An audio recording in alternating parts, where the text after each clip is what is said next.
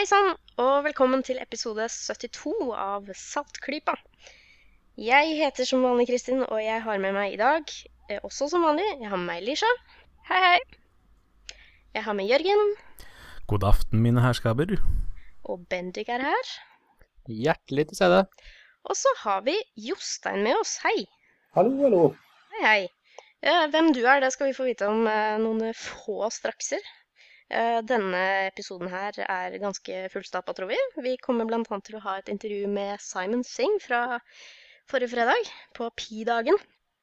Eh, Bendik har sikkert noen protester mot det, at det heter Pi-dagen, det skal vi høre med om. Det skal dere absolutt. Og har vi masse anbefalinger å komme med også, så dere har masse å drive med frem til eh, neste episode igjen. Men først skal vi ha et par nyhetssaker. Og den første nyhetssaken vi skal snakke om i dag, den eh, falt meg i hvert fall ganske naturlig å ta opp. Fordi at eh, vi sto overfor noen ganske store astronomi-slash-kosmologinyheter. Og det er nemlig grunnen til at vi har med oss en gjest i dag. Fordi at eh, selv om jeg eh, har litt sånn astrobakgrunn, så glemmer jeg så fort. Så da tenkte jeg jeg skal ha med en som var litt smart. Og en som jeg vet er litt smart, er Jostein Riise Christiansen. Og eh, du, eh, Jostein, du eh, er jo blant annet sikkert kjent for veldig mange av våre lyttere fra blant annet Kollokviem-bloggen, stemmer ikke det? Jo, den er jeg med på. Ja, Mhm. så bra. Så det Vi så jo at du hadde skrevet en god del om denne nyheten som kom, og jeg har tenkt å bare prøve å liksom tyne litt ut uh, fra deg det som uh, ble sluppet på mandag, var det vel? Ja. For hvorfor skal vi bry oss om inflasjonsrelaterte B-moder i polarisasjonssignalet fra den kosmiske bakgrunnsstrålingen? OK. Hva, Nei, hva, hva kalte du den? nei, ok, greit. Vi tar, vi tar et skritt tilbake. Det er jo, det er jo ganske mange nøkkelord her. Eh, inflasjon og polarisasjon og kosmisk bakgrunnsstråling og Det er jo ganske naturlig å komme tilbake til det etter hvert. Men eh, resultatene som ble offentliggjort på mandag, de kom fra en forskningsstasjon på Sydpolen, eh, som de kaller for BICEP. Hvem i all verden, først og fremst, vil bo frivillig på Sydpolen, og hvorfor? Jeg ville gjerne bodd der, men, øh, men, men sikkert ikke alle. Men det er jo et veldig fint sted å ha teleskoper, av mange grunner. Blant annet så ligger det, er det veldig stabilt klima, så du har tørr og fin luft som ikke beveger seg så mye. Vi er vant til liksom, om sommeren hvis du har med luftspeilinger og temperaturforskjeller og sånn, så begynner ting å blafre og flikre, og det er jeg ikke noe glad i når vi skal se opp på himmelen og se på veldig nøyaktige ting. Så det er stabilt klima. I tillegg så ligger det ganske høyt oppe på platået der. Ligger rett ved siden av den Amundsen Scott stasjonen på, på Sydpolen. Eh, og så en fi, annen fin ting er at du kan se på den samme delen av himmelen døgnet rundt. Du skulle hatt noe sånt i Norge f.eks., som ville vært veldig dårlig det, f.eks. i vinteren har det vært så dårlig vær, men hvis du skulle hatt noe sånt her, så har vi en himmel her som går over oss hele tida og blir borte på den ene sida ene, sida, ene horisonten og dukker opp igjen på den andre sida døgnet etter. Mens på Sydpolen kan du hele vintersesongen stirre på den samme flekken og stirre og stirre og stirre. og stirre. For oss som har tatt litt bilder eh, med vanlig kamera, så vet vi at når, det er, når du skal se på noe som lyser veldig svakt, så må du stirre veldig lenge. Hvis du da kan stirre en hel vinter, så kan du se ganske detaljerte ting med små signaler.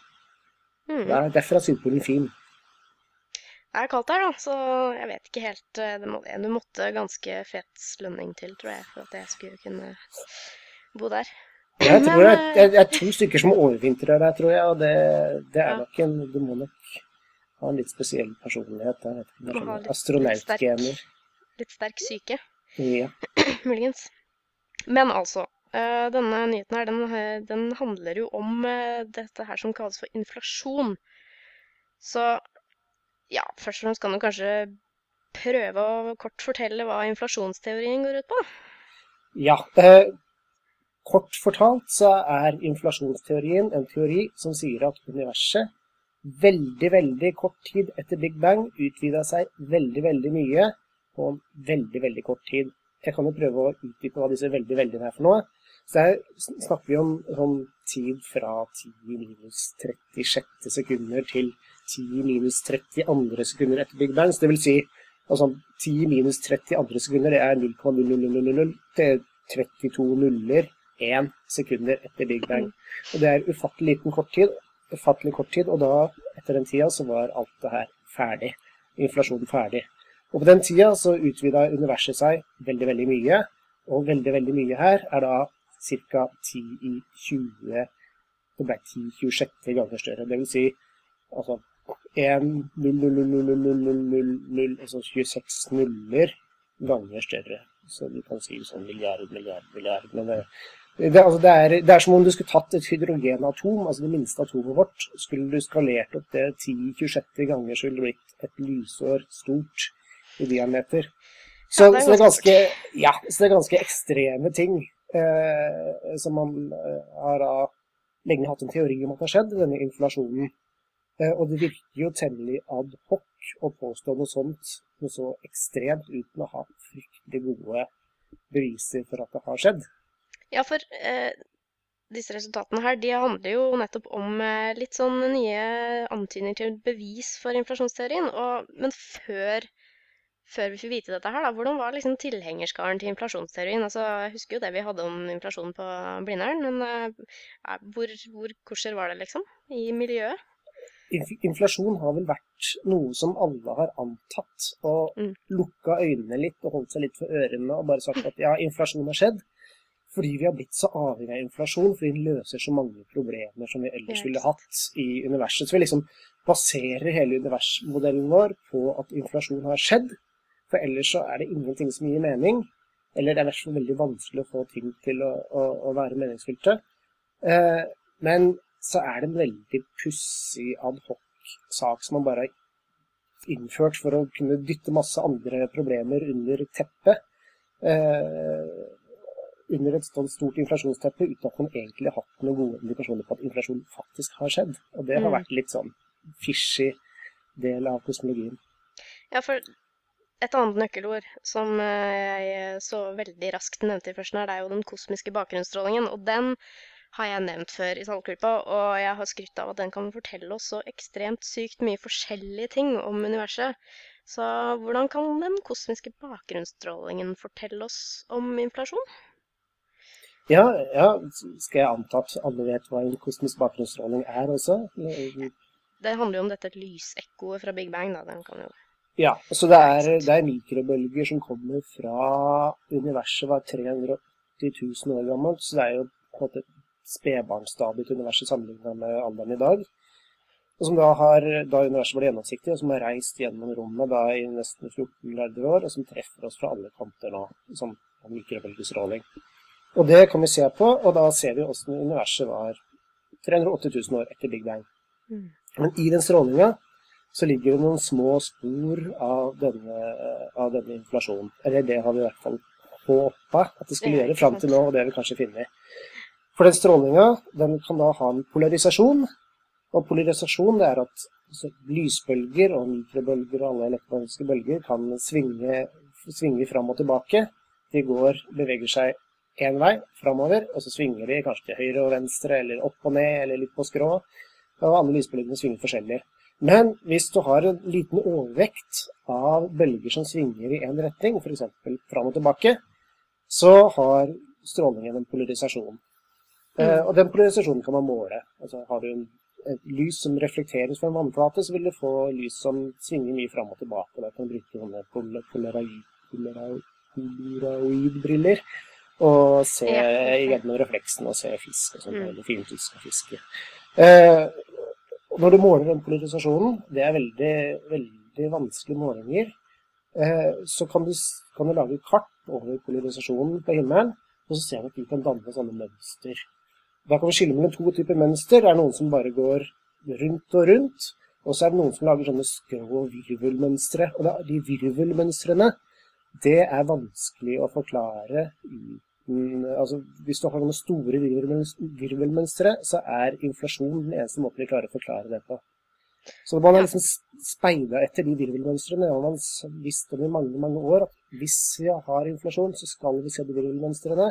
Og hvis vi ser dem, så er det vanskelig å forklare dem på en annen måte. Så det er sånne polarisasjonsvirvler man har sett i. Ja, så det, det, er jo en av de tingene som er fint med dette. her, at Her har vi faktisk for en gangs skyld teoretisert noe først, og så observert det. Ja, det er ikke Ja. så vanlig i astronomien, det. Nei, i hvert fall ikke i kosmologien. Men eh, ja, fordi de snakker om gravitasjonsbølger her, da, har jeg jo lest, ikke sant? Ja. Og da tenker jeg, når jeg tenker på gravitasjonsbølger, så tenker jeg på sånne forstyrrelser i tidrommet som brer seg ut fra sorte hull, eller sånne nøytronstjerner som snurrer rundt hverandre og sånn. ja. Eh, hva slags gravitasjonsbølger er det vi snakker om her? Nei, gravitasjonsbølger er jo altså, du har, Lysbølger er noe som er elektromagnetiske bølger, så de får du når du akselererer et elektron. Så hvis du tar et elektron og rister litt på det, så vil det sende ut en elektromagnetisk bølge. Mm. Eh, eh, og hvis du tar på samme måte i gravitasjon, så er det masse som gir sånne krefter og sånn. Så hvis du tar en masse, en stor masse, og rister litt kraftig på den i et litt spesielt mønster, så kan du få en gravitasjonsbølge som er sånn tidrommet sånn bølger og strekker seg ut og trekker seg sammen bortover. Eh, men når du da akselererer, altså når du utvider universet 10-26 ganger på denne veldig, veldig korte tida, så er det en ganske heftig risting av ganske mye masse. Og da får du ganske heftige gravitasjonsbølger. Og det er de, da de gravitasjonsbølgene, altså den der vanvittige eh, utvidelsen av universet inflasjonsfasen, gitt veldig kraftige gravitasjonsbølger. Og det er de gravitasjonsbølgene som vrir og drar på rommet når den kosmiske bakgrunnsstrålingen sendes ut, som vil liksom dra de polarisasjonsmønstre eh, rundt i sånn virvelmønster som man har sett etter. Så det er liksom et spor etter gravitasjonsbølger etter inflasjon. Ja. Så, Og det her, bare for å gå litt opp i eh, avansert nivå, i tilfelle noen er eh, interessert i å høre om det, da, så driver du og snakker om B-moder. Går det an å formidle på en eh, ålreit måte? Litt sånn hva som sto i disse artiklene. ja, jeg har allerede pratet om B-moder uten å kalle det det. Og B-moder er da dette når du ser på mønsteret av sånne av polarisasjonslinjene på himmelen, så er B-moder er sånne virvler du kan se, som, som virvler rundt. Mens E-moder, som er liksom den andre måten du kan ha polarisasjonsmønster på, er polarisasjonspiler eller polarisasjonsretninger som ikke har sånn virvelmønster. Som bare går rundt og rundt uten å virvle eller ut. Og, sånn, så det er, det er en, et, en type mønster i den polarisasjonen. Nei, altså, inflasjonsteorien den forklarer jo som sagt eh, nesten skummelt mye. Så kosmologer har jo mildt sagt en god del å tape på hvis den er feil. Da. Er det litt skummelt å tenke på, eller er det litt gøy, kanskje? Ja, personlig så har jeg ikke vært så veldig glad i inflasjon, jeg syns den har vært så veldig dårlig. Altså, den, det virker så ekstremt, og det har vært så dårlig observasjonelt belegg for å tro på det. Så det er liksom ah, Kan vi ikke finne på noe annet som er litt mer spiselig? Når det Ja. da viser seg at inflasjonen faktisk antageligvis er spot, ganske spot on, i hvert fall, så, og den oppdages med såpass stor signifikans som vi hevder at de har gjort, så gjør det jo at vi kan puste letta ut, i hvert fall universet er redda for denne gang. Og så, og så er det en ny ting som åpenbarer seg, og det er å prøve å forstå den inflasjonen. Da. For det er jo ganske ekstreme greier. Så hvis vi tenker på, tenker på det her er på en måte kosmologiens Higgs, da, av vår store oppdagelse, så, så på LHC i CERN der, så kolliderer de partikler med sånn type terra elektronvolt. Altså det er veldig store energier og veldig høye temperaturer. og De kaller det Big Bang-maskiner, for da skal de gjenskape forholdene like etter Big Bang. Altså Inflasjon skjedde ved energier og temperaturer som var noe sånn som 10 000 milliarder ganger større enn det de brukte for å lage Higgs. Så det er sånn det er sånn en helt annen eh, liga enn det vi har klart å utforske, og noen gang vil klare å utforske i laboratorier på jorda. Det er liksom noen vinduer inn til en vanvittig eksotisk fysikk som vi nå kan prøve å sette oss ned og forstå. Det så det er mye moro, moro i Det vente. Det, det er det jeg sier. Det er kosmologene som har de største maskinene. Ja. Ja. Men det er jo veldig, altså det er jo veldig små og nøyaktige ting som skal måles her, og da gjør vel jo at det er ganske stor usikkerhet. Og da er det vel ekstra viktig at det, eksperimentet som har blitt gjort nå, replikeres. Selvfølgelig. Før nobelprisene begynner å kastes hit og dit. Eh, men annet enn målefeil, da, kan resultatene muligens skyldes noe annet? Eller eh, hadde det vært sånn at hvis det hadde blitt replikert nå, så er dette, dette er smoking gun, liksom, for inflasjonsteorien? Liksom. Det har vært nevnt eh, andre ting som kan skape disse virvelmønstrene. Men det er også, det er også, også forutsatt av inflasjon ganske nøyaktig hvordan hvor mye det skal være av virvler av forskjellige størrelser. Så de som strekker seg utover to grader på himmelen, skal det være så og så mye av. Det skal være litt mer av dem enn de som strekker seg én grad utover himmelen. Man har ganske stort sett av forutsigelser fra sånne gravitasjonsbølger. Uh, og man har sett en del av de egenskapene nå som gjør det veldig vanskelig å forklare på annen måte gravitasjonsbølger, hvis det er, er riktig. Men i framtida nå så har man, litt, har man, endelig sett spor av det her, så nå kan man begynne å designe svære eksperimenter som skal virkelig se på det her i detalj. Mm. Og, og, og da, hvis, da, har vi ganske klare forutsigelser for å utelukke alle mulige sære alternativer. Nei, eh, ja, Hva syns du om eh, mediedekningen av dette her, da? Liksom, hvordan det har blitt tolka av prestene? Har den vært nøktern nok, syns du? Eller har den blitt blåst opp for mye, eller? Jeg syns ikke det har blitt blåst opp i det hele tatt. Husker dere Higgs, eller? Da, Higgs, da, da, da liksom rant jo avisene over, og alle nyhetssendinger av champagnesprettende partikkelfysikere. Og nå har vi kanskje alle antageligvis oppdaga inflasjonsfasen i universet.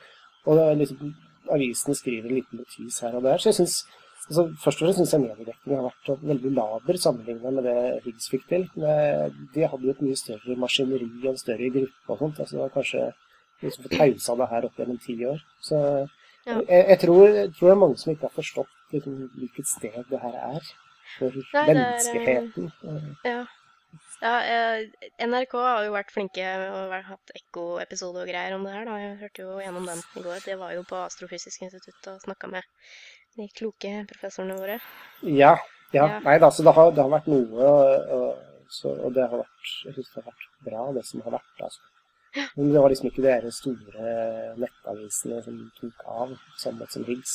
Eh, Nei, du, du, har noe, du, har noe, i det der. Altså, jeg husker jo det hvor uh, ekstrem uh, Så jeg var jo til og med tok noen timer fra jobben for å gå på fysisk uh, store fy, en stor fysisk auditorium, og og se på nettoverføringen der og juble sammen med alle de andre. Og det var jo sånn ekstra ekstra stort. Så er jeg kanskje litt farga av at jeg følger litt ekstra med på kosmologinyheter. Så jeg tenkte kanskje at det var litt, litt godt dekka, fordi jeg har nesten sett alt som har blitt skrevet om det, kanskje. Jeg er vel litt farga, jeg også, kanskje. Når jeg ja, sier at det her er veldig viktig. Ja. Sånn er det. Jeg har et, et follow-up-spørsmål når det kommer til uh, dette med mediedekningene. Uh, og er kanskje en av grunnene til at vi ikke har hørt så mye om det. Fordi jeg har veldig lyst på en uh, flyvende bil. Kan dette her gi meg en flyvende bil? Betyr dette oppdagelsen at nå lever vi i fremtiden, og alt blir magisk, og uh, singulariteten kommer, og alle sykdommer blir kurert, og jeg får en jetpack og en robotbutler? jeg, svaret på det er jo selvfølgelig nei.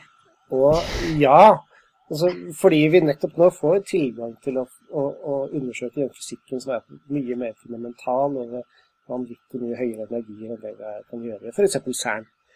Eh, så, så, men altså, utover rent erkjennelsesmessig av vår plass i universet, så, så for min del så, så er ikke det liksom, mulige teknologiske gevinstene ved det her det som gjør det fantastisk.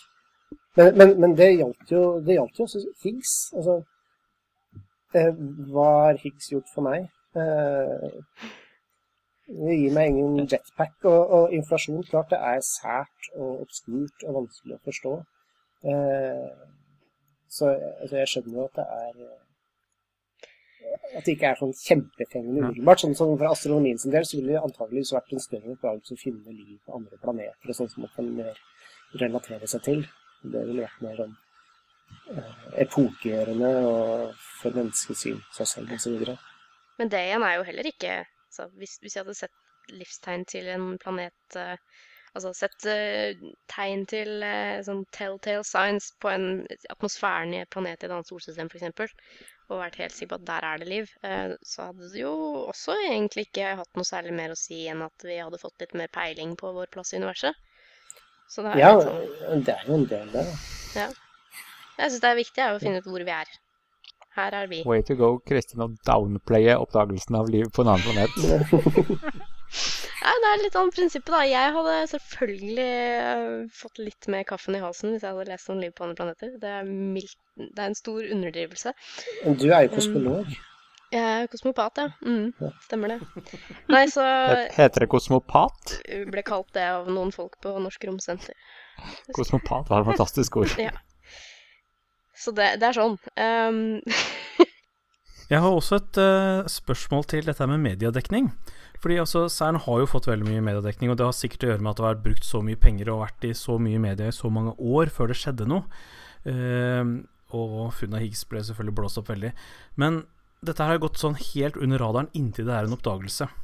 Og da lurer jeg på, har noen kommet på noe kvasivitenskapelige, pseudovitenskapelige ting tilsvarende det vi har sett rundt CERN? Altså CERN ble jo eh, beskyldt for å skulle skape sorte hull som ville svelge planeten og alt mulig sånt nå. Er det dukket opp noe tilsvarende for eh, den saken her? Ikke som jeg har fått med meg, men det er, det er litt annen type vitenskap. Og på CERN så lager de noe, de lager partiklene. Vi bare ser. Så vi liksom ikke Vi bare tar imot det som kommer hit likevel. Mm. Eh, så, så det blir en litt annen liga, siden vi lager sine egne partikler, og, og vi, vi lager ikke vårt eget Big Bang. Eh, så, Det fins jo, jo fremdeles motstandere av Big Bang-teorien, som vil kanskje hevde at her kommer disse fremtredende forskerne og prøver å undergrave våre uavhengige sannhetsforskning om universet. Kanskje. Jeg kom på noe, forresten. Eh, I år, i 2014, så er det 50 år siden eh, oppdagelsen av CMB. Hvis dere ikke visste om det. Oi, det stemmer.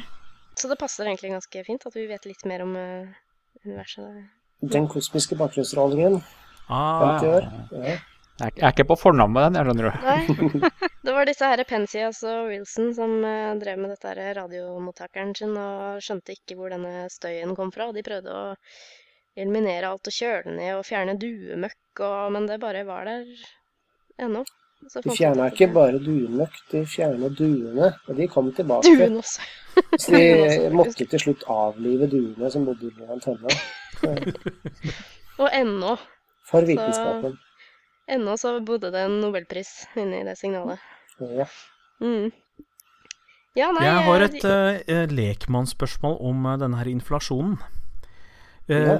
Det er jo da en periode på utrolig kort tid hvor universet ekspanderer utrolig mye. Veldig, yeah. veldig mange ganger mer eh, Altså i hastighet mye mer enn lyshastigheten, sånn vi måler det i dag. Og dette for meg som lekmann er litt sånn vanskelig å henge med på rent logisk. Har du noen måte å forklare det på? Eh, ja, altså på en måte Spørsmålet blir jo litt misvisende, på en måte. Fordi, fordi det er ikke sånn at i det bildet som jeg, som jeg føler du skisserer nå, så er det sånn at universet utvider seg inni et rom. Mens måten vi i kosmologien ser på universets utvidelse på, er at selve rommet utvider seg. Og, og det er sånn vi ser på det i dag også. Det er ingenting i veien for at objekter kan fjerne seg fra hverandre eh, sånn at avstanden øker raskere enn lyshastigheten. Det går fint. Men du kan ikke, men, eh, du kan ikke sende signaler raskere enn lyshastigheten. Eh, og det er er noe annet. Det, så det, det blir litt som den eh, gamle ballonganalogien vi lærte på videregående. Så hvis du, hvis du, hvis du tar en slapp ballong og, og klistrer masse stjerner på den, eller galakser eller noe sånt, og så blåser du den opp, så står alle disse galaksene stille i rommet. Men avstanden dem, mellom dem øker likevel når du blåser opp ballongen. Så selv om de ikke beveger seg i rommet, så øker avstanden. Så da, og I en sånn modell kan da avstanden mellom galakser som er tilstrekkelig langt unna hverandre på en ballong, den kan øke raskere enn lyshastigheten. Selv om okay. ikke lyset kan eh, Ikke noen ting kan reise raskere enn lyset på ballongoverflata. Så rommet selv kan jo utvide seg så fort det bare vil. Men lyset, lys, lyset som går i Mm. rommet, har en eh, endelig hastighet. Så der, Derfor kan det også være sånn at galakser som er kjempelangt unna oss nå, som vi kan se i dag, hvis rommet begynner å utvide seg veldig fort, så kan de forsvinne ut av syne fordi de beveger seg fortere vekk fra oss enn lyset kan ta igjen. Så de kan, de kan rett og slett forsvinne ut av synshorisonten vår. Det er jo Det det som kommer til å skje før eller siden også. Ja, det, det skjer jo der, dette. Ja. Yes. Nei, men eh, tror du ikke eh, lytterne våre kommer til å bli litt eh, smartere nå? Etter dette her? jeg tror det er veldig smarte lyttere allerede. Ja, ja, det har vi. Vi er veldig smarte. Det... Nei, men eh, eh, vi eh, kommer jo til å eh, linke til kollokviumsaken som du skrev, Tenk så hyggelig. selvfølgelig. Vi liker kollokvium. Heier på den. Tommel opp. Takk, takk. Ja. Eh, er det noen flere steder? Du har en Twitter-adresse som man kan følge deg på, har du ikke? Jostein RK. Stemmer. Er det Mhm. noe mer eh, andre kommunikasjonskanaler eller noen steder man kan følge deg på? Nei, telefon og post. da får du supplere med det i kommentarfeltet ettersom du ønsker. Ja. Ja, men det er kjempefint at du kom og ville bli grillet om dette her. Så Det tar vi eh, sikkert veldig hyggelig å være med. Ja, vi tar sikkert kontakt hvis det er noe mer vi lurer på om noe annet spennende i universet. Så Ja. venter vi på oppdateringen på dette, disse her eksperimentene og ser hvordan det går. Ja, det blir spennende. Yes. Vi har eh, tid til en eller to nyhetssaker til. Jeg hørte at du hadde lært noe nytt om elefanter i det siste, Lisha? Ja, spennende elefantnytt tilbake på landjorden. Ehm, det er eh, forskere ved universitetet i Sussex som har eh, kommet med noe som jeg i hvert fall syns er eh, veldig spennende resultater etter litt eh, field research i Amboseli i Kenya. Mm -hmm. um, altså Fra før av så vet vi jo at uh, elefanter de liker ikke bier. De er redde Vet for bier. Jeg vet Ja, ikke om jeg vi. visste det, men jeg det, skjønner det er godt. kjent. De liker ikke bier. uh, og dette okay. har de Dette prater de om. De har uh, vocalis Elefanter? vocalizations Ja, de diskuterer det hverandre. De har vocalizations som går på at ikke gå dit, for der er det bier. Så hvis Ja. noen er på vei til et sted hvor det finnes bier, og andre veit om det, så vil de advare den som er i ferd med å surre seg bort, og si fra at der er det bier. Og Gjelder det, gjelder det med mus også? jeg vet ikke om det er så mye mus i Amboseli, men eh, generelt så liker jo ikke elefanter små dyr som løper i beina på dem. Nei, de liker ikke det. Mm. Nei, mus har de faktisk testa på Mythbusters, Ja, og, og ja, elefanter er redde for mus. Ja, de har litt de, de er ikke glad for eh, små dyr som eh, løper rundt. Eh, men bier Hvorfor liker ikke? ikke. Det er Altså, ikke godt å si. Musene trampler jo bare ned uten å merke det engang, og sannsynligvis bier også. De kan jo ikke stikke den der elefanthuden.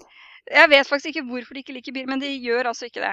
Og det er nyttig, fordi det kan utnyttes av Er det? Personer som eh, ikke ønsker å ha så mye nærkontakt med elefanter. Slik at eh, flere steder i Afrika nå så har eh, bønder gått inn for apikultur. Jeg trodde du skulle til å si at det er nyttig for personer som ikke har lyst på kontakt med bier. Det er bare å ha med seg en uh, elefant til å Nei, En sånn førerelefant uh, som kan guide deg vekk fra Enkle løsninger bier. på enkle nei, men du vet, du blir ikke kvitt biene med en elefant. Så bi, da får du jo både bi og elefant, ikke sant? Det er ikke bra. Men du kan derimot bli kvitt elefantene med bier. Hvis du har en åker hvor du ikke vil ha elefanter inn, så begynner du med apekultur, og du plasserer kubene langs med åkeren. Og da vil elefantene som, eh, hvis de oppdager at det er bier der, så vil de stikke. No pun intended. Og, det og hvis Det de er kanskje dette som er en moderne elefantskremsel? da, vanligvis Ja, sånn faktisk. Dette er jo da afrikanske elefanter. Dette, denne forskningen gjelder Loxodonta africana. Jeg vet at I Thailand for eksempel, så bruker de mye chili. Elefanter har jo ikke noe store varme følelser for chili heller. Eh, men i hvert fall eh, Men det er jo mer en åpenbar greie. Med en sånn kjempenese så er det klart at eh, å få chili oppi der, det er ikke bra. Skjønner, Fins skjønner. det noen ting som elefanter faktisk liker? Ja, de liker jo ofte mennesker. De har jo en reaksjon på mennesker som at eh, vi er på en måte på like fot med dem. De behandler døde mennesker akkurat sånn som de behandler sine egne døde, mens alle andre døde dyr er bare Ja. Det er bare søppel, liksom. ja det er, de, men de behandler våre døde selv når de faktisk har drept oss selv. Så viser de den samme vørdnaden for våre døde som de gjør for sine egne. Så de har et litt spesielt forhold til oss. Men samtidig så vet de jo at eh, vi kan være farlige. Og det denne forskningen har gått videre på, da, det er jo dette med at de advarer hverandre mot eh, steder hvor det finnes bier. Og man har da lurt på advarer de hverandre mot uh, flere ting. Ja, det gjør de. Så det forskerne har gjort, det er de har latt elefanter, og her er det snakk om ville elefanter, altså, høre på opptak av mennesker som snakker på sine egne språk. Og da har de valgt to folkegrupper eh, som lever i Kenya. Masaier og kamba-folk. Og masaiene kommer ofte i konflikt med elefanter. De er gjetere. Og de har ofte problemer med at de treffer på elefanter, og det oppstår konflikter der. Mens kamba, de ja, Noen av dem driver med handel, men hovedsakelig så driver de med jordbruk. De har veldig lite kontakt med elefanter. Så har man da spilt opptak av masaier og kambaer som sier noe for elefanter, og sett hvordan de reagerer. Og de har jo selvfølgelig ikke stått og skreket. altså De har ikke hatt liksom halvparten står og skriker 'Der er elefantene, drep dem, drep dem', og de andre synger 'Baba Lillam'. Altså de har sagt helt normalt helt nøytrale ting som at 'Å, se, der borte. Der kommer det noen elefanter'. Helt nøytrale ting. Så man antar jo at elefantene ikke forstår ordene. Men det virker som om de forstår språket og hvem det er som snakker. fordi når de får høre masai-kvinner og masai-barn, så bryr de seg ikke om det. Og samme med kamba-kvinner og kamba-barn. Og også det samme med kamba-menn. Det, det, reagerer de veldig lite på. Men masai-menn, derimot, da blir reaksjonen med en gang. Da de, går de inn i sånn defensive huddle, og de advarer hverandre. Eh, de har vokaliseringer der som går på advarsel. Og det her det gjør de selv om man elektronisk justerer opptakene slik at både kvinnestemmene og mannsstemmene kommer i samme toneleie så hører de allikevel, de reagerer forskjellig allikevel på f.eks. masai-kvinner og masai-menn. Det er bare mm. mennene som de ikke liker. Og elefanter i Amboseli, i Masai-områdene, de liker ikke rødt. De reagerer negativt på rødt. Og masai-klær er jo typisk røde, ikke sant? Særlig Aha. mennene kler seg rødt, og når de er ute da på gjeterferd. Og disse advarslene som de da gir hverandre, de har man spilt for Loxodonta africana i fangenskap, f.eks. i USA, hvor de ikke har så mye problemer med masai-gjetere. Uh, og de reagerer også Ja, foreløpig så er det litt problemer med det. Og de reagerer også på denne forsvarsmåten. Og når man da tar opp de lydene som de gir fra hverandre, og spiller det opp for andre, så kommer det samme. Da hører de Oi, de advarer mot det er noen farlige mennesker. Så reagerer de på den samme måten. Defensive huddle og varsellyder. Og det syns jeg er utrolig interessant, for for elefantene så er det klart at mennesker potensielt er veldig farlige. Men ikke alle mennesker. Veldig mange mennesker som de treffer, er jo ikke farlige overhodet. Og det ser jo nå ut til at de faktisk er i stand til å skille mellom f.eks. en kamba-kvinne som ikke ville finne på å kaste en småstein engang, og da en masai-mann som kunne tenkes å kaste ganske mye mer enn en stein. Eh, de han går kunne til og med kaste bier på dem. Ja, han kan komme med hele pose full av bier. det, er, det er farlige greier. Nei, men ja, her virker det jo som om de. Eh, Testa de dette her med en Kamba-kvinne i bikostyme? Det står ikke noe om det i det som jeg har lest hittil. Uh, jeg vet ærlig talt ikke om synet til elefanter er såpass at de klarer å at det, det med bikostyme at det er noe de virkelig klarer å ta inn over seg helt. Altså, jeg er ikke sikker på om uh... Men her er det jo store muligheter for uh, stort potensial for ytterligere replikering ja, altså, og videre forskning. Jeg syns at dette her er bare virkelig en, en halvferdig studie. Altså, de ikke engang sjekker det, eller de har sikkert ikke sjekka hvis de er redde for bier. Hva med humler? Hva med klegg? Hva med Si det. Noe som kunne vært interessant, var jo hvis man kunne overtale masai-folka, altså særlig masai-menn, til å skifte ut disse røde klærne med klær som var stripet i svart og gult. Mm. Over tid. Hva ville det da Ja, jeg vet ja, sånn ikke. Det kunne være noe. Burde, jeg syns også at de burde forsøke med marihøner. De er jo som kjent eh, veldig mange av dem røde. Det er, det er en vanlig farge. Eh, ja. Mm. ja. Jeg lukter en ignobel kommer lang vei her.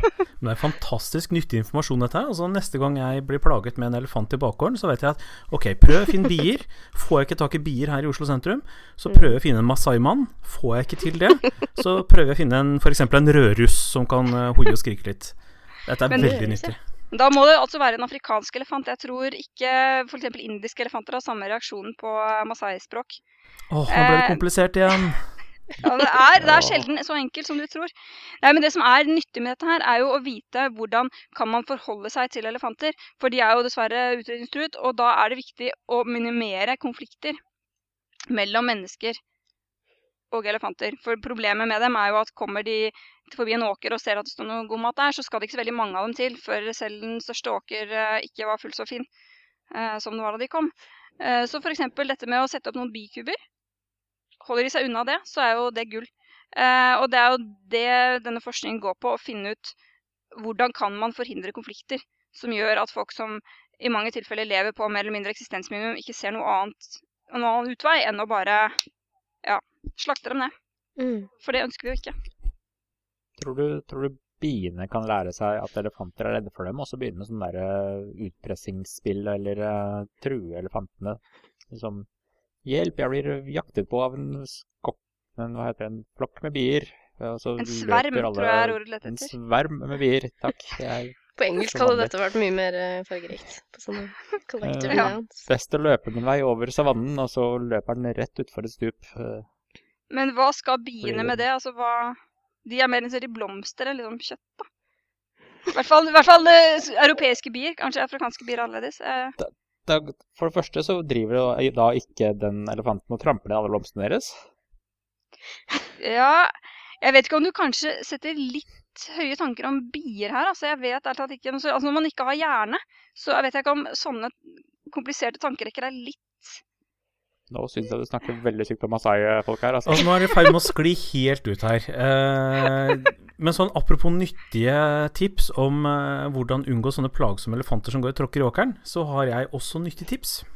Få høre. For som alle vet, så eh, spiser jo vi masse mat som ikke er sunn for oss.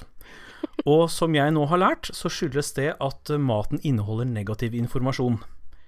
Eh, mener du det som står på pakningsvedlegget, at ikke det er så særlig fint, eller hva? Nei, altså det er eh, informasjon i maten i form av frekvenser som ikke er bra. Men slapp av, folkens. Det finnes hjelp å få. Det finnes en dings som heter Memonizer, som er et sånt kort du legger under maten din, og så lar den ligge der til den har fanget opp eh, informasjonen i form av frekvenser, og så snur du den 108 grader. Og dermed så inverterer den din negative informasjon og sender den tilbake sånn at det annulleres, og dermed så er maten bra igjen. Snakker vi en slags Ja, eh, wow. polarisasjon her, kanskje? Det er polarisasjon. Fy Som jo selvfølgelig er et reelt fenomen når du bruker det i riktige sammenhenger. Men det er jo Ja. alltid noen som klarer å bruke dette her eh, til å selge noe svada, da. Så, ja, dette var ikke riktig sammenheng. eh, eh, Nei. Kan vi bare Nei, det er spørre ordentlig kan vite det, da? Dette er seriøs teknobabbel. Det er basert på reelle fenomener når du liksom trekker ut noen deler av det, men eh, når det brukes i mat på den måten her, så er det bare tullball. Men det er en veldig fin artikkel i Dine penger, eh, hvor vi har en journalist som faktisk gjør jobben sin og stiller noen gode spørsmål. Yay. Uh, yay! Jippi! Ehm, det hele er jo fryktelig ullent og sånn, da. Og så er det, jeg vil gjerne sitere litt fra denne artikkelen her. Eh, da spør journalisten Det står at den fjerner informasjon i mat. Hvilket grunnlag er det for den påstanden? Svaret er da i grenseland for noen. Når vi snakker om informasjon, så snakker vi om mer subtile frekvenser. Utgangspunktet er det vi kaller et informasjonsfelt. Det er i dette feltet teknologien jobber. Det er forholdsvis nytt i Norge, og jeg skjønner at det for noen kommer i grenseland for det etablerte. For det, det- fint, ikke sant? Ah, der har vi, der har vi Ja. rødt flagg nummer én. Det etablerte. Ja. Oppfølgingsspørsmål fra dine penger. Eh, men bør det ikke etableres som sant før dere slår fast at det virker? Men da blir det etablert, da, vet du, Jørgen. Da, er- da er jo ikke noe gøy. Ja, jeg vet. Men det svaret er da selvfølgelig. Svaret er det som eh, er godkjente retninger i noen fagmiljøer, er ikke godkjent i andre. Mange var skeptiske til akupunktur og kiropraktikk, men nå er det stuerent. Ja. Det er vi fremdeles, vil jeg, vil jeg påpeke. Jeg stiller meg litt skeptisk til den påstanden, det må jeg Ja. bare si. Men nå er jo jeg en del av etablissementet, så Ja. Ja, du er hjernevasket, du. Du er ikke åpen. Men Ja. Jørgen, kan jeg spørre om en ting? Eh, dette er med, Den skal snus 180 grader.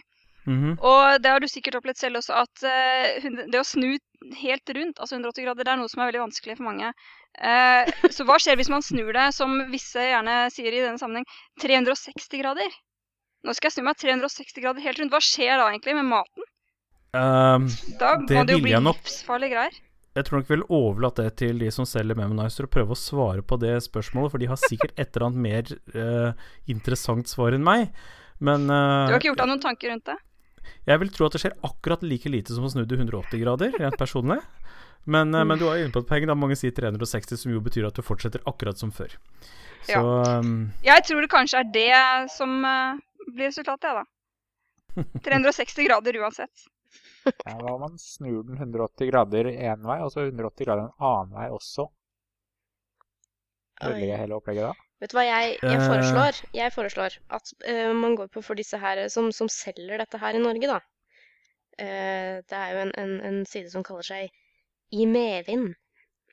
Uh, Rødt flagg. Ja, nei, altså Og de har jo da en, en side som forklarer hvordan alle disse prinsippene funker. Eh, så der får vi vite om hvor det ligger på spekteret i lys. Og der får vi vite om hva disse merkevarenavnene deres er en forkortelse for. Og vi får en god innføring i vibrasjoner. Eksempel eh, i naturen finner vi en mengde vibrasjoner, alt fra A til Å, som det heter på siden deres. Veldig utfyllende det der. Rødt flagg igjen. Eh, De eh, fortsetter med å si at eh, andre vibrasjoner kan kun oppfattes av enkelte dyrearter, og andre vibrasjoner er vekselstrøm og radiobølger og rønt- røntgenstråling. Og eh, enkelte av disse måleapparatene som man bruker for å måle vibrasjoner, og det kan bare måle det som er innenfor en spesifikk rekkevidde for en bølgelengde av tilstrekkelig densitet, står det her, da. Og ting er under utvikling og la, la, la. Eh, hver eneste dag er vi utsatt for alle typer vibrasjoner. Eh, Så det det er også veldig Det kan være farlig. Det er vibrasjoner overalt, står det også. Eh, forandringer i årstidene og vibrasjoner. Rent fysisk sett så er det jo faktisk det, hvis man tenker på fysikken bak det. Oscillasjoner, alt som går i perioder, kan kalles vibrasjoner, mer eller mindre, selvfølgelig. Eh, men det, konklusjonen til alt det de sier under dette dette, altså Premiss nummer to er det er kjent at all materie består av energi. Og da trekker de den konklusjonen på dette avsnittet at vibrasjoner kan da defineres som den grunnleggende formen for alt liv. Og da er du jo langt på vei, da, ikke sant, til å fikse mat og sikkert også mobilstråling og ja, det jeg tror de har til biler og sånn du kan installere i bilene sine for å bli kvitt et eller annet elektrosmog eller noe sånt. Ja, Det er i hvert fall en herlig suppe av teknobobbel, og jeg vil egentlig oppmuntre til å lese artikkelen som ren underholdning. Det er faktisk ganske morsomt. Noen ganger så må vi egentlig bare le litt også. Ja. Men uh, vi, skal, uh, vi skal fremdeles ha det moro, vi. Vi har fått en god latter her eh, de siste minuttene. Vi skal gå over til intervju. Det er et lite intervju vi gjorde med selveste Simon Singh, den engelske forfatteren, fysikeren, journalisten, TV-makeren, eh, som kom til Oslo på fredag, på Blindern, for å snakke om eh, den nye boka si. Eh, den heter eh, The Simpsons and Their Mathematical Secrets, og det er akkurat det den handler om også. Der det viser seg at det er ekstremt mye åpenbar, avansert matte skjult i The Simpsons.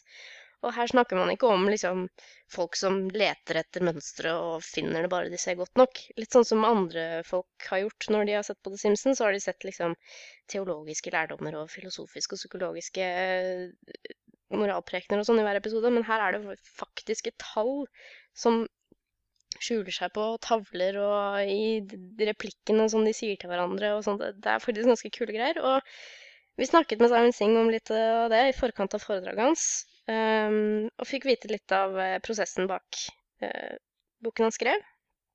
Uh, så hvis dere ikke fikk med dere foredraget hans på Blindern, så kan dere høre på dette intervjuet vi har gjort nå, og være misunnelige på at vi var der.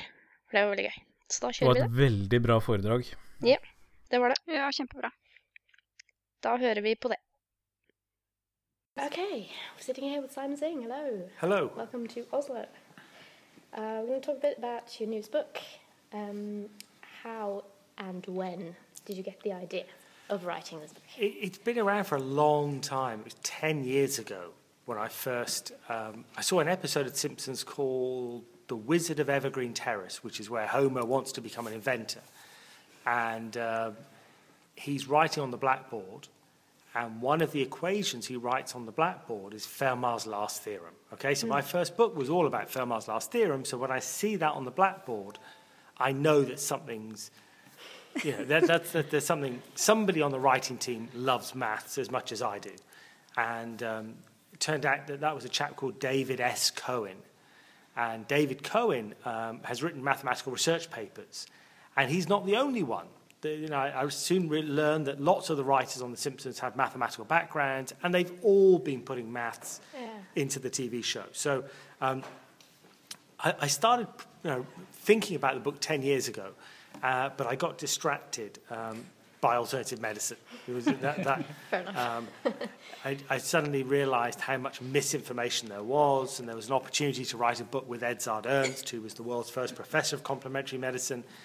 And so that seemed like a more important thing to do. So um, the whole Simpsons maths project just got put to one side.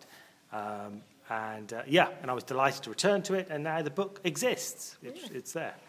Nice. So, you know, how did you how, how do you research a book like that? I mean, do you just watch an inordinate amount of Simpsons episodes Yeah, that, several that, times? that is part of it. It's a hard job, but someone's got to do it. Um, um, and there's, I mean, I think as well as watching the show, you can watch it with the DVD commentary switched on because the writers always give a DVD commentary, and if there's maths there, they will talk about it. They will, they will point out that um, you know this you know, Pythagoras' theorem crops up and, and Homer gets it wrong, but he quotes it in such a way that it's exactly the same as the way it's misquoted in The Wizard of Oz or, or something like that. um, um, I also spoke to a couple of American professors who give courses in America, uh, freshman mathematics courses, where they use Simpsons examples in their lectures. So they were very helpful. Um, and then I went to meet the writers. I spent a week with the writers um, in Los Angeles, the, the mathematical writers in particular. And I just asked them all sorts of questions, and they told me about not just the maths that's in the show, but the maths that's going to be in the show. Um, they talked about episodes that hadn't been broadcast, and uh, they told me about their own mathematical backgrounds and, and, and how they got into comedy and so on. So the book is, you know, is largely about maths. It's largely about The Simpsons, but it's also about those writers and who are they and Yeah. how, how did they move from maths into comedy. Yeah. Did you get any quick answers about that? I mean, what makes clever people like that be drawn to? Comedy, The yeah, industry, yeah, or, yeah. or what makes funny, what, what makes mathematicians so funny? You know, what, Yeah. why, why are there so many of them? And they're not just comedy writers; they're comedy writers on the world's most successful TV show. Mm. But So the this is stereotype is that math isn't fun, or at least mathematics professors. Uh, Yeah, there the are stereotype, nerds They're, Yeah. they're don't nerds. sense of humor. exactly, exactly. No, I, I, people are shocked. Uh, they're shocked when they find out there's maths in The Simpsons, and they're shocked when they learn that mathematicians write The Simpsons. And I think um, I have a whole chapter where the writers give their theories as to why mathematicians have a talent for comedy. Because I, I think they do. I think the numbers show, show there's something there. Well, And- of course, the mathematicians make the numbers, so if the numbers show, Yes. then they can manipulate that to anything. That's right. The, the, uh, the, the, the, the, there are no definitive answers, but um, the writers talked about the fact that there's a link maybe between logic and playing with logic and bending logic and breaking logic, and then you get the illogical, and maybe that leads to humor. Um, some of them talked about um, the fact that if just just the sheer stamina required to write a Simpsons episode, it's a really really hard work. It's hard work to make something that fun, and so you, you're continually wrestling with these problems to do with plot or problems to do with, with narrative or problems to do with with the jokes themselves. And so uh, a couple of them have said that they having that mental stamina that you get when you do mathematics gives you also the mental stamina to, to, to make comedy. Um, I think also it's about the fact they're different. They're, they're outsiders. You know, They, you know, they, they look at the world in a different way.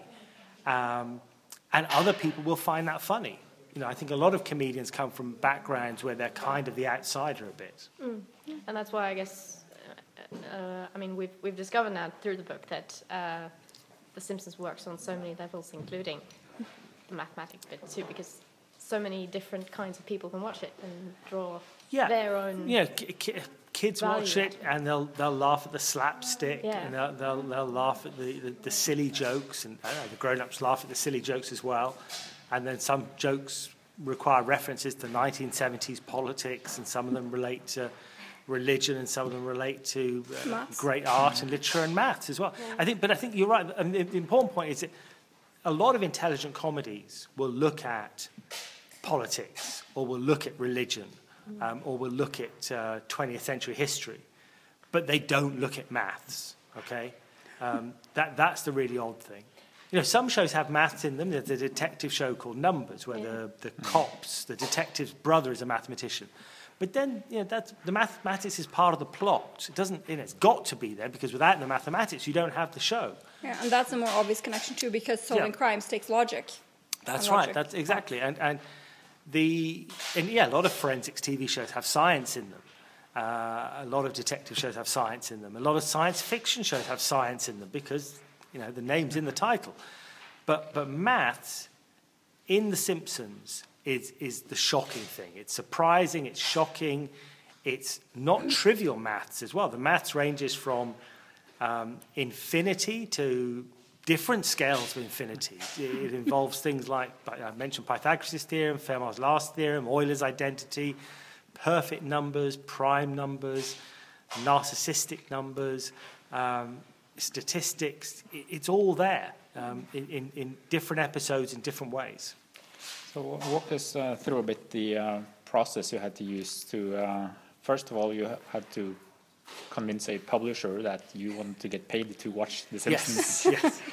Uh, but uh, since you managed to do that, uh, then you sit there. I imagine. I imagine you sit there watching The Simpsons with your notepad uh, in hand, and whenever there's a number prop- cropping up on screen or in dialogue, you pause it and then you record the. Um, Yeah, no, the scenario and what number it was, and then you figure out. right. And, and then you have to say, you know, is this a really interesting number? Was it put there for a particular reason?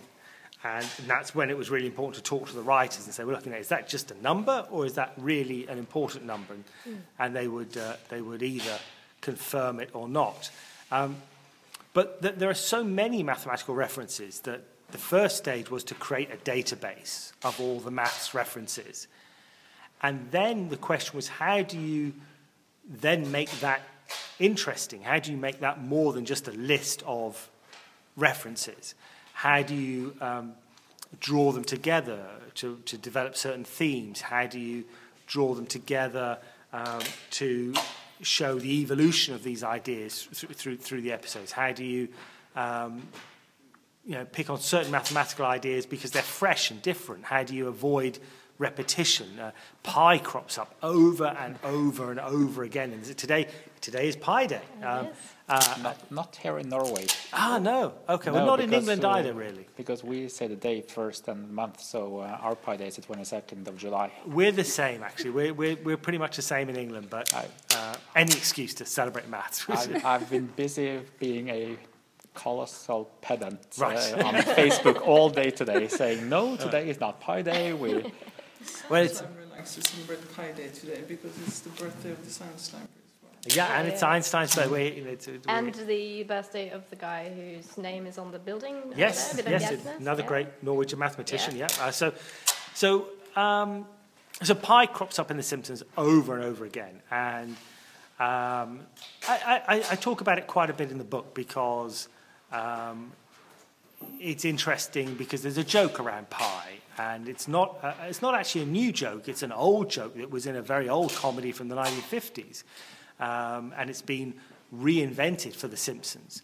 And then there's a, a pi reference that relates to um, a simplification of pi when somebody tried to redefine pi for the American uh, uh, state of Indiana, I think. yeah, So- declared to 3.2 or Yeah, that's it, exactly. So, so, so if, if, if, if there are good reasons to talk about pi in The Simpsons, then great, it's in the book. If it's just another mention of pi, then I, then I don't go on about it too much. because we, we I get the the the question is what makes a number interesting, or like I said, you had to figure out if a certain number on the screen was just put there as a random number, or if that number was irrelevant to something. Because I tried to do a little bit of research before uh, doing, coming here. I am not a mathematician, so uh, all this uh, is just stuff that I'd like to mock people for, Right. because I am that stereotypical person. And it's that semi-famous anecdote. Uh, I didn't uh, about uh, a guy riding in a taxi cab number 1729. You Yeah. probably know this uh, anecdote, and remarked that the number seemed a rather dull one, and he hoped it was not an unfavorable omen. No, it is a very interesting number. It's the smallest number expressible as the sum of two cubes in two different ways. Now, to me, that just is you have a number and you are looking to find something special about it. And Yeah, no, you're right. The, the 172 1729 is, is interesting for lots of reasons. Uh, as you say, it's the smallest number that's a sum of two cubes in two different ways. 1729 is 10 cubed plus 9 cubed. 1729 is also 12 cubed plus 1 cubed. That's make, that makes it interesting and special. not to me. Well, but, but We that's, don't care, Vemik. but the reason it's really interesting and special is that the conversation you were just talking about was between uh, an Indian mathematician, Ramanujan, who was actually very seriously ill at the time. And he died when he was only 33. And um, he was a true natural genius. And so the fact that he knew 1729 had this property just was a, a glimpse of his immense talent for mathematics. So the number is it's uh, it's it may be interesting for a mathematician, maybe not. It's it's okay. But what's really interesting is the story, the story of Ramanujan, the fact that mm. Ramanujan was discovered and taken from India and put into Cambridge and became a you know formed this great mathematical partnership with this English mathematician called G.H. Hardy, and then he died tragically young, and and then this number one seven two nine appears in Futurama. So the book is about the Simpsons, but it's also about Futurama. yeah, the, Oh, yeah. the, Good. The, the Wikipedia page for uh, 1729 had a lot of Futurama Yes, yeah. references on it. Because the writers who wrote f- for The Simpsons also wrote for Futurama. So, um, so, so wh- what's, what I think is most wonderful is that every time 1729 appears in Futurama, that's the writers of Futurama almost paying their respects to this great mathematician from the last century. And so it's, it's about a number, but it's also about comedy writers today paying their respects to a great genius of the past. And it, so, um, you know, So- uh, my, my books are, um, whenever I write my books, if I write a book about cosmology, I also write about the cosmologists. If I wrote a, write a book about cryptography, I write a book about the code makers and the code breakers. So it's the same with this book. It's a book about maths, but it's also a book about the mathematicians who make the maths. Human angle. Yeah, yeah, the human angle, the stories behind it, uh, but but always with the maths as well, because sometimes you can focus so much on the stories that you forget the math, the maths, and, and the math is the most important thing. So yeah, Uh, uh, speaking of uh, seeing things through books, I mean, there were. I've- I've started reading a book, and um, um, you say you you tell a lot about other kinds of fields who have found stuff in The Simpsons and say that uh, it's really a, a philosophy lesson or it's a, even a spiritual lesson. There is in a book called The Simpsons and Philosophy. Yeah, and I mean, are they right? and you and and you are as right as them, or, or are they just no, I'm finding more I'm more right than when that. they're- I'm yeah. more because because you know the, the- you're right. There is a book, The Philosophy of the Simpsons, um, and they they use.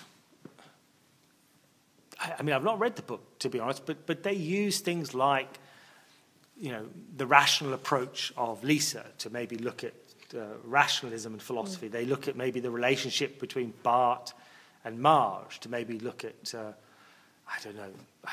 I don't know what they do or how they do it, but they, but they look for philosophical themes running through the through the Simpsons. Um, and there are, but you you can apply that to any TV show. You could look at the philosophy of a soap opera, or you could look at the philosoph- philosophical angles of a, of a great drama, or a great detective show, or, or anything. You know, philosophy, s- sociology, theology, psychology. These things are part of our everyday life, and so they crop up in every TV show. Maths doesn't. So you can't find maths in your favorite um, Scandinavian drama, which we all watch in England now. So um, you know you, you can't find maths in, in, in American sitcoms like uh, you know Modern Family or Frasier or Cheers. They're great sitcoms, but there's no maths in there. Um, The Simpsons and Futurama are, tr- are truly remarkable and exceptional in having so much mathematics in them. Yeah. Yeah, and also the difference between the books that you mentioned and your book is that those philosophy. I read The Simpsons and Philosophy and several others, and that they're collections of essays by Yeah. several different writers. So of course you're one person who's gone totally in depth. So Yeah, Yeah, this- it's a totally different it's, approach It's, a, as diff- it's a very different approach. But, but you know, I could have I could have got you know, half a dozen mathematicians and said, you know, can you write about this? And uh, and, and it would have been fine because there really are meaty mathematical topics in The Simpsons that, that real mathematicians can really get their teeth into. Yeah.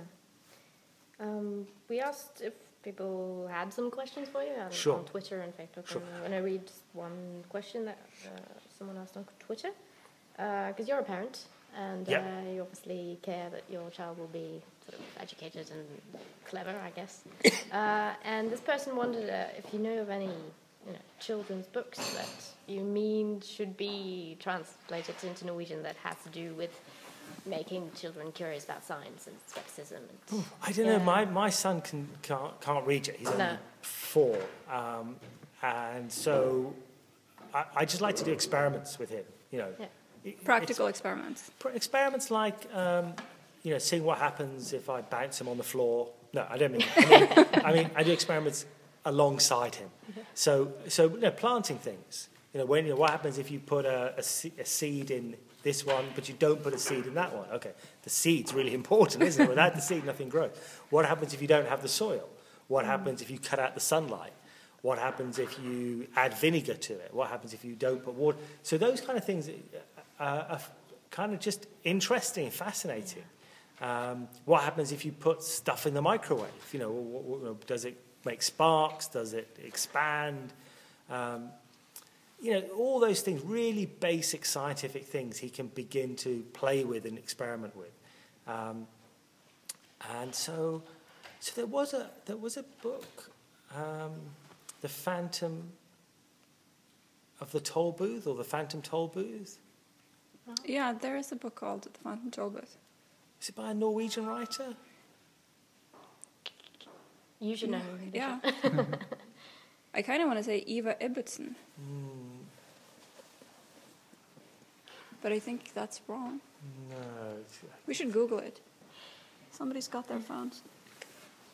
Well, I guess uh, we have question one more question because we wanted to touch a little bit about what skeptics in Norway are know, Sure. know you for mainly, Sure. which is the uh, well, your book without Sardons and the Hmm. the kerfuffle that happened after. But you uh, you won this case, and uh, with has has it become any easier to be like a blogger or you know Uh, expressing oneself? So, so, so I, so I wrote an article about chiropractors, and I was Yeah. sued for libel, and then lots of other people said they were being sued for libel as well. Often science writers or doctors, uh, but also human rights activists, consumer rights activists.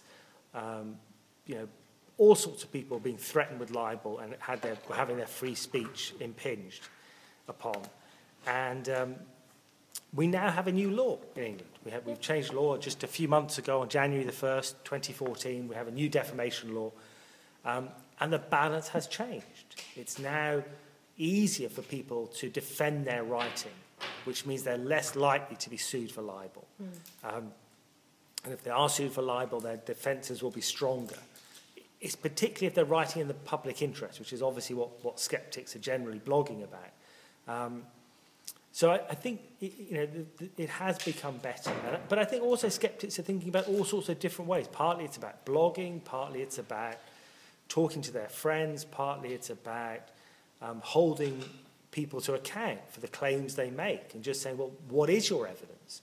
Uh, partly it's about using the regulations we have, whether it's advertising regulations or trading regulations or the regulations that a professional body might have. And how can we use those regulations to you know, make sure that these people don't make outrageous and sometimes even dangerous claims. So, um, skepticism in the UK is still very active, and and, and um, you know, people are finding new things to tackle. I, I mean, the, the pub groups are fantastic. I was just in Bournemouth two nights ago.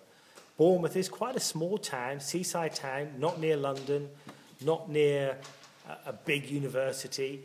Um, and yet, their first Skeptics in the Pub event, 130, 140 people turned out. Wow. It was great. Wow. um, and they've got somebody coming next month to talk about Scientology, and somebody coming the month after that to talk about uh, anomalistic psychology, Chris French. Yeah.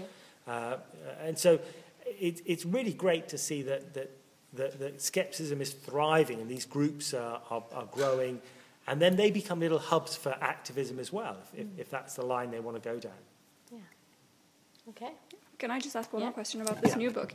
Uh, when you contacted Fox or wherever Yeah. uh, to get to LA and spend time with the writers, uh, were they the writers? Were they? How did they react? Were they flattered that you want to write the book, or did they think you were nuts, or Oh, no, both? no, the, the, the writers were incredibly helpful. They, they, I, I first contacted them 10 years ago, and, um, you know, every time I've emailed them, they've always got back to me very quickly. They've come back with, you know, more answers than the questions I even asked. Uh, I've done lectures with them. I, I'm going over to North Carolina next month to do an event with them. Um, and they just love the fact. You know, i- in England, the book has the title The Simpsons and Their Mathematical Secrets. But it was never really secret. Secret's not the right word. Secret is something you don't want anybody else to know. Um, the writers hid it away because they didn't want it to get in the way of the stories. They didn't want it to, you know, if you don't like math, they didn't want to scare people away. But they never wanted it to be a secret. So they're really happy now that more people are reading about these mathematical ideas. And they're really happy that, you know, you know, they're nerds and geeks. And, and now nerds and geeks who see the maths in the TV show will say, hang on, this show's written by nerds and geeks just like me. And so they're kind of reaching out to their, you know, fellow, fellow uh, you know, nerds around the world. Any future projects that you've thought out yet? Or is it too early to ask? Not, not really. No, it's been a very, very busy uh, six months, and I'm still sort of catching up on a backlog of work. Um, and then something new will emerge over the next few weeks. I think it, it's, I'm now almost caught up, and so then your brain opens up for new ideas to come in. So, yeah, we'll see. Anything about Futurama, maybe Uh, well, a companion volume well, to this book? yeah. Um, well, I mean, the, the, the, there are four chapters in the book all about Futurama. So Futurama's in the book, and, and uh, um, you know, there, there- there's a new series of The Simpsons coming out again soon. There's going to be a Futurama Simpsons crossover episode. Um, so um, I don't know how to keep on top of all those things, um, but maybe, uh, maybe in a few years' time there'll be another chapter with. Yeah, uh, an expanded edition yeah, of this new yeah, book. you never know. You never know. Awesome. Okay. Great. Thanks, thanks for your time. Thank you, thank you very Thank much. you. Thank you. Great. Hello. Hello. Vi nærmer oss eh, slutten, vi. Eh, vi bør bare minne om at hvis du har noen tips til noen saker som vi kan ta opp, eller eh, har noen tilbakemeldinger, i Soros, så er det lov å tipse oss. Det kan du gjøre ved å sende e-post til post at saltklippa.no, eller ta kontakt i kommentarfelt på bloggen vår, eller på eh, Facebook eller Twitter. Alt vi har snakket om i dag, skal vi selvfølgelig linke til i eh, sendingsnotatene våre. Sånn avslutningsvis så tenkte jeg skulle bare ramse opp en god del eh, ting jeg syns at folk bør få med seg. Eh, Det er veldig mye kule ting som skjer eh, for tiden, ikke bare innen vitenskapsnytt. Har, jeg vet ikke, Dere har sikkert fått med dere den uh, nye premieren på den nye serien Kosmos? Har dere ikke det? Dessverre har jeg ikke det. Det må du bare. Det må du gjøre. Hvor, hvor kan jeg se den? Den går uh, eh, på National Geographic, tror jeg. Ja, Har jeg National ikke. Geographic. Ganske sikker på det. Nå er vi sånn som er litt sånn som får det med oss litt tidligere, på litt ymse måter. Men eh, hvis man har, har National Geographic, så kan man se det der. Og jeg tror til og med jeg så en YouTube-link til hele første episoden. Det kan jo, det kan jeg jo prøve å finne frem. Eh, men det er altså Neil deGrasse Tyson, mannen jeg mener bør være president over hele verden, eh, om ikke så altfor lenge Word. som eh, leder dette programmet. Eh, og det er altså en slags reboot, eller en slags oppfølger slash remake av den klassiske serien på rundt 1980 med Carl Sagen, selvfølgelig, som eh, av en eller annen eh, fantastisk grunn eh, Fox TV bestemte seg for å lage, med Neil deGrasse Tyson også, i hovedrollen. Eh, de aller fleste som hører på Soulklippa, vet sikkert at den er i god, god gang, men eh, det er også selvfølgelig en anbefaling. Der vil jeg Eh, bare føye til at uh, dette her blir jo hausa veldig opp av folk som er vitenskapsnerder og sånn, sånn som oss. Men jeg vil bare presisere at uh, kosmos er ment å være for alle. Det er noe av det som er viktig med den serien. Altså selv, selv den gamle serien er jo brukt eh, på skoler, og folk som er glad i eh, naturen og vitenskapen, de bruker den jo til å lære opp barna sine, holdt jeg på å si. Og denne serien her, den bare tilføyer masse nytt i tillegg. Så den har selvfølgelig allerede fått masse motbør i, eh, i USA, blant annet, fordi eh, det er noen søsterkanaler til eh, Fox eller noe sånt som bare har kutta ut den delen i episode to hvor han snakker om evolusjon, eksempel. Så langt har vi kommet. Eh, men den har også fått litt relevant kritikk. Blant annet så er det noen som nevner at han kanskje ikke burde trekke frem Litt spoilere nå, første episode. Han kanskje ikke burde trekke frem Giovanni Bruno som den liksom den hovedvitenskapsfyren eh, for eh, episoden. Han nevner riktignok at eh, han var ikke egentlig vitenskapsmann, han var mer en slags tenker. Og det blir da kritisert at det var egentlig bare flaks, det han tenkte seg om hvordan universet var, osv. Så, videre. Så ja, det, det har kommet litt sånn, litt sånn relevant kritikk, da. Så det, det går selvfølgelig an å ha i bakhodet, men ingenting er perfekt. Jeg syns i hvert fall at når det gjelder læren om naturen, så er denne, ser denne serien ut til å være på god vei. Videre så vil jeg gjerne anbefale et par artikler i forbindelse med denne her, dette her flyet, vet du, har dere fulgt med på det? Som ikke noen bare- finner. Hørt at det har skjedd. Ja. Ikke fulgt så mye med på det. Nei, det er ikke så lett, altså, men eh, I og med at ingen vet noe som helst. Ikke sant? Leser man litt nettaviser, så er det jo hver dag et eller annet. En eller annen ny teori om hva som kan ha skjedd med dette forsvunne flyet fra Malaysia Airlines. Um, jeg har funnet frem et par-tre artikler som eh, tar et litt, tar liksom litt skritt tilbake og ser på hva som faktisk kan ha skjedd som er plausibelt, da. For det trenger faktisk ikke å være så mystisk. Eh, Det er ikke så mange fly som forsvinner, og noen ganger så kan det faktisk hende at eh, helt naturlige ting skjer som gjør at det dessverre bare går gærent. Eh, Blant annet et par artikler skrevet av eh, Martin Robbins, som er en engelsk skeptiker. Skriver en del for det Vice.com, eh, gjerne med mye snark og sarkasme. Eh, De kan jeg linke til. Og et par andre som jeg fant. Eh, Så vil vi selvfølgelig anbefale boka til Simon Singh, da. Jeg driver og leser den nå. Så langt, eh, kombinert med foredraget vi så, som var veldig bra, så er den å anbefale, altså. Så den bør dere Jeg har den på iPaden min, jeg leser den på Kindle, så det er fullt mulig å kjøpe den til den. Koster nesten ingenting. Jeg vil komme med en, eh, med en anbefaling, jeg også. Ja. Eh, hvis dere lytter til dette her i tide, eh, mandag den 20... Fjerde. pokker- 24., takk. Jeg er ikke god på, Neida. på gruppenavn, og jeg er ikke god på datoer. Nei, så hvis dere hører på denne episoden når, når, når denne kommer ut, så er det i morgen, faktisk. Ja. Mm. Og hvis dere hører på den i ettertid, prøv å få ned en reprise eller noe. Mandag 24. Se på um, showet Brille på TV Norge. Eh, og jeg vil ikke si hvorfor, det skal vi ikke spoile. Det er veldig Men, eh, relevant å se på Brille førstkommende mandag. Mm. Mm. Oi. Det vil jeg bare si. Spennende. Så da har vi en liten teaser der. Apropos relevante ting for, på TV, eh, så kommer det jo faktisk en ny sesong av Folkeopplysningen, da. Yay! Det er kult. Kjempekult.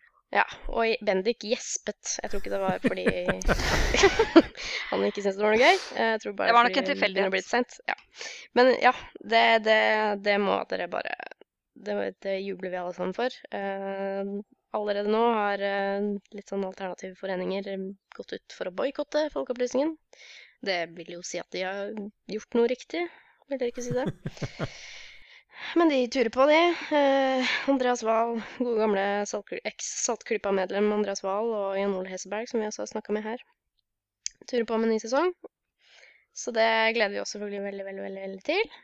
Og denne gang skal du ikke bare ta alternativ medisin, men litt annet òg. Jeg er veldig spent Ja, på hva de velger. Jeg har hørt at de har hinta om De har ikke lyst til å si så veldig mye foreløpig, men jeg, jeg har hørt at de tar for seg litt sånn myter om kosthold og sånn. Det, det, det Det er kult. Det er veldig Det er bra folkeopplysning.